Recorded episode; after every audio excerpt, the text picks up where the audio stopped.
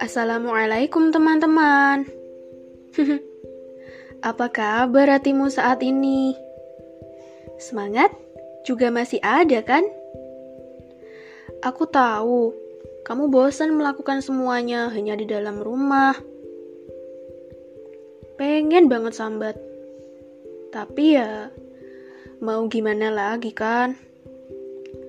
Allah memang baik banget sama kita.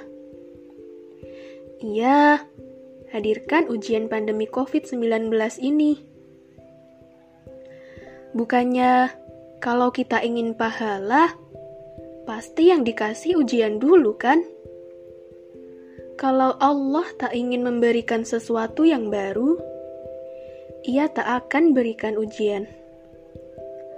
Gak ada loh satu ayat dan hadis pun yang mengajarkan mengeluh dalam menghadapi ujian. Kalau ada ya, pasti aku akan ada di barisan paling depan. Yang ada, kita diminta untuk belajar.